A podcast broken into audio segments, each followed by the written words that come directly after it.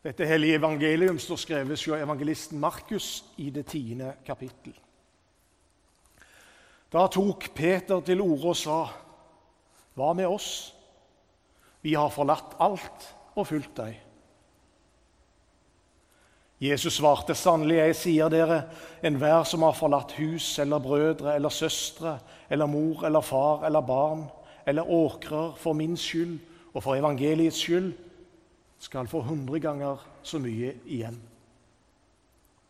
I den tiden som nå er, skal han få hus, brødre, søstre, mødre, barn og åkrer, men også forfølgelser. Og i den kommende verden evig liv. Men mange av de første skal bli de siste, og de siste skal bli de første. Slik lyder det hellige evangelium.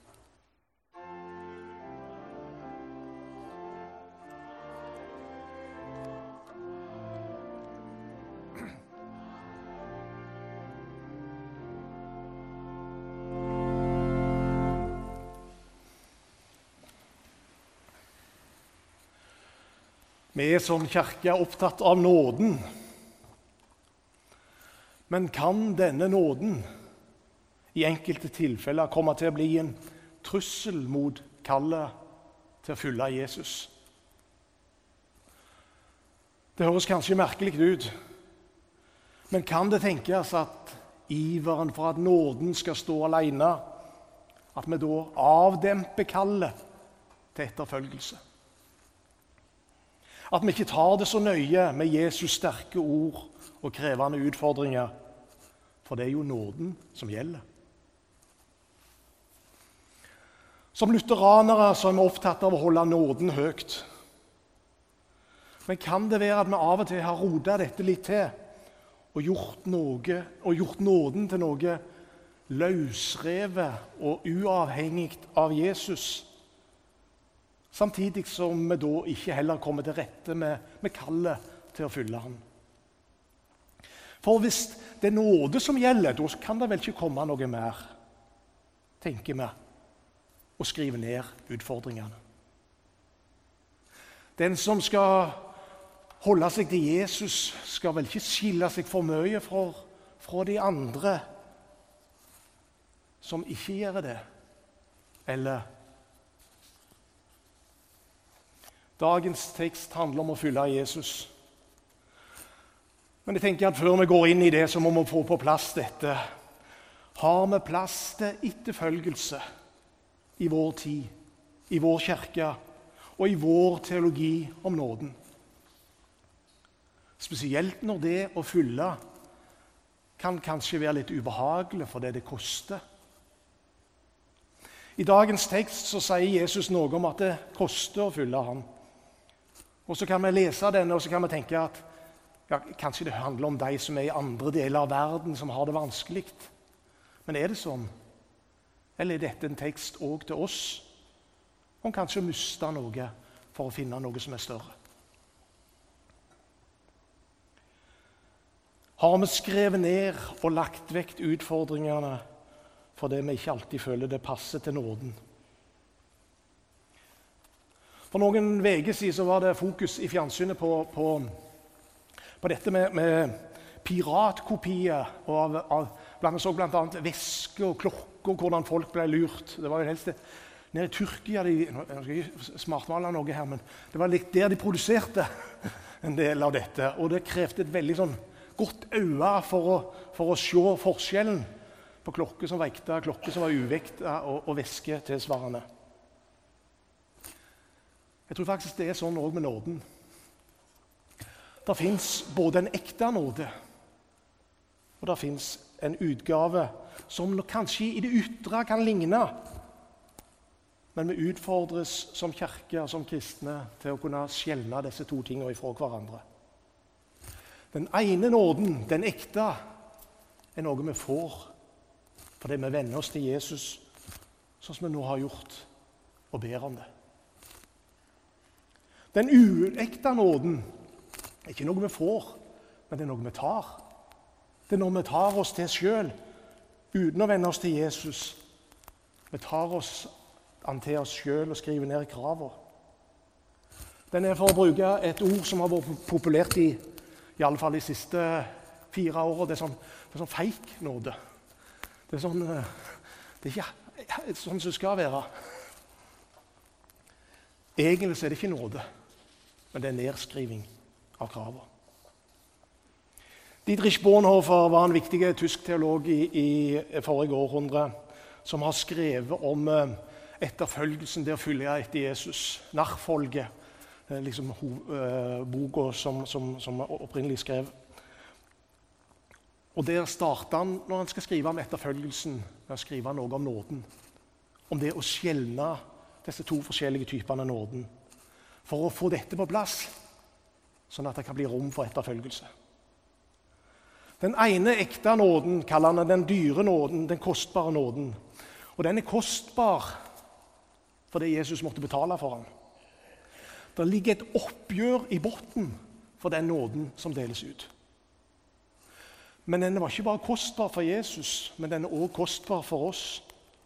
Fordi den utfordrer oss til å leve nært Jesus, til å leve i et stadig oppgjør. Den dyre nåden setter oss nemlig inn i en ny livssammenheng og vil skape et nytt samliv med Jesus. Denne nåden, den ekte nåden, åpner opp for etterfølgelsen.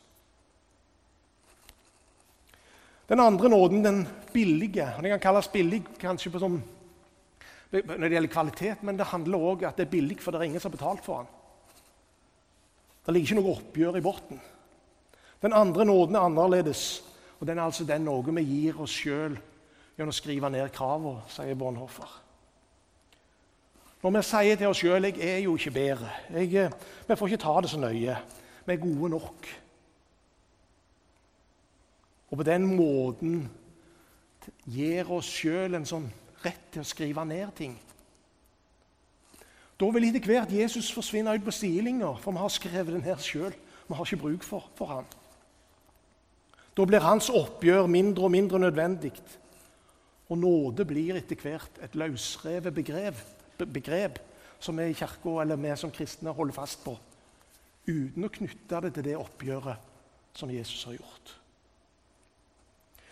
Og da kommer vi, I denne sammenheng så kommer etterfølgelsen egentlig som et forstyrrende tillegg. Noe som kommer til å forstyrre den nåden som allerede har gitt oss. Denne nåden er ikke ekte nåde, men det er nedskriving. Den er ikke noe vi får, men det er en rett vi tar oss. Bornhofer sier denne nåden rettferdiggjør synder istedenfor synderen.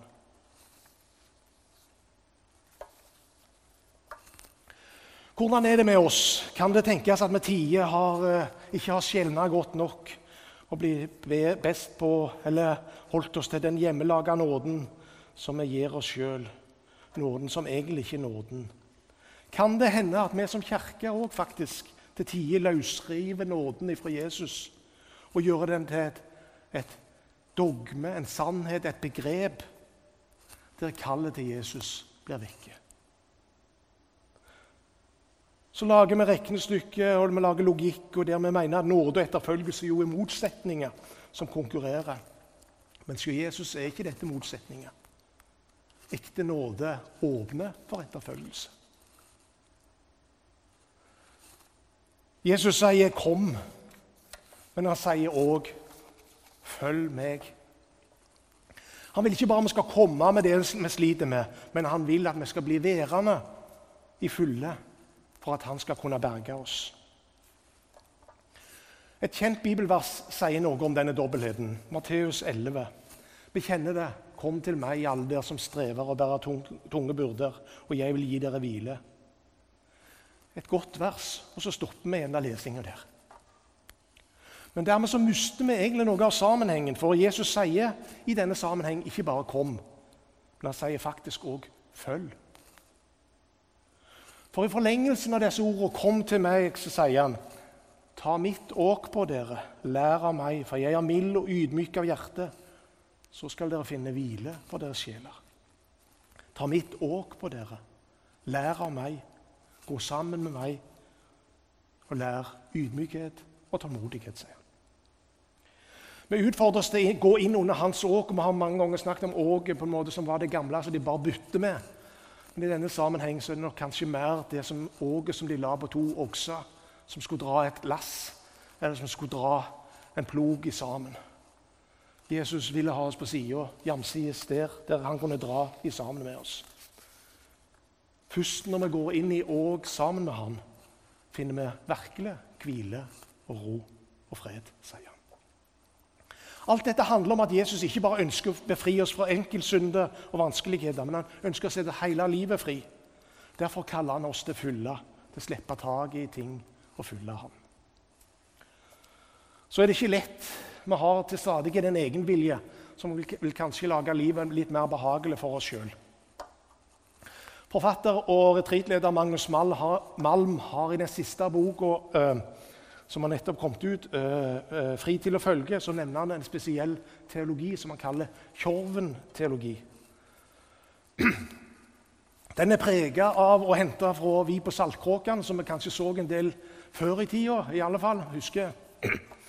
Og Teologien i dette stykket ser vi når Tjorven uh, står framfor kakebordet og har forsynt seg én gang. Så spør hun ut i lufta, henvendt til de høyere makter. Gode Gud, får jeg ta en tortbit, en kakebit til? Får jeg ta en kakebit til? står hun liksom. Deretter så svarer hun sjøl, kviskrende med litt mørkere stemme. Ja, det får, du. Og så tar hun kaka. Det er kanskje ikke fristende å ha Jesus på dette nivået, der vi sjøl er den som spør, og den sjøl er den som svarer, uten å lytte til hans ord uten å be om at hans vilje må styre. Men Jesus utfordrer. Det kan koste, og det kan være vi må avstå fra større ting enn et kakestykke. Disiplene var de første som ble kalt. De forlot det de levde av. Og Her ser vi at Jesus var radikal i sitt kall. Han vil ikke at noe skal få plass framfor han. Han ønsker ikke bare å være en sånn attåt-person som kommer som et tillegg. Han vil ha den guddommelige førsteplassen. Rett før dagens tekst så hører vi hvordan eh, Jesus møter den unge mannen som har prøvd å holde buda fra ungdommen av, men har hatt ei blindsone, rikdommen sin. Og Jesus sier til ham når han kommer og spør hva han skal gjøre Du må gjøre noe med rikdommen din, sier Jesus. Kom så og følg meg. Et valg som der og da, da i alle fall for denne unge mannen ble for stort. Noe sto i veien for at Jesus kunne få førsteplassen i livet hans. I Det gamle testamentet har vi en historie om Abraham som ble utfordra på tilsvarende måte. Historien om Abraham og Isak er regner med gått ut mer eller mindre av søndagsskole og, og barnelærdom, for den har en i, uh, historien om Is Abraham og Isak er gått ut fordi at den har, uh, den, der, den har en del elementer som er vanskelige. Men kallet som Abraham får om ikke å sette Isak eller noe annet framfor Gud, sjøl ikke de kjæreste han har, det møter vi igjen faktisk òg hos Jesus i dagens tekst, og når han kaller mennesket. Jesus vil ha førsteplassen, òg hos oss. Han skriver ikke ned kravene, sånn som vi fristes til å gjøre gjennom å gi oss sjøl billig og letttilgjengelig nåde. Han fastholder faktisk utfordringene om å få lov å stå på førsteplass i livet vårt. Men om vi må si ifra oss ting i første omgang, så skal vi ikke tape på det. Abraham tapte ikke, han ble velsigna i etterkant. Og denne teksten understreker det samme. Om du må si ifra deg noe, om du mister noe i det du skal gi, gi meg førsteplassen Har du forlatt hus, brødre, søstre, eller mor eller far eller barn eller åkre for min skyld og for evangeliets skyld, så skal du få igjen etterpå. Hundre ganger. Du skal velsignes.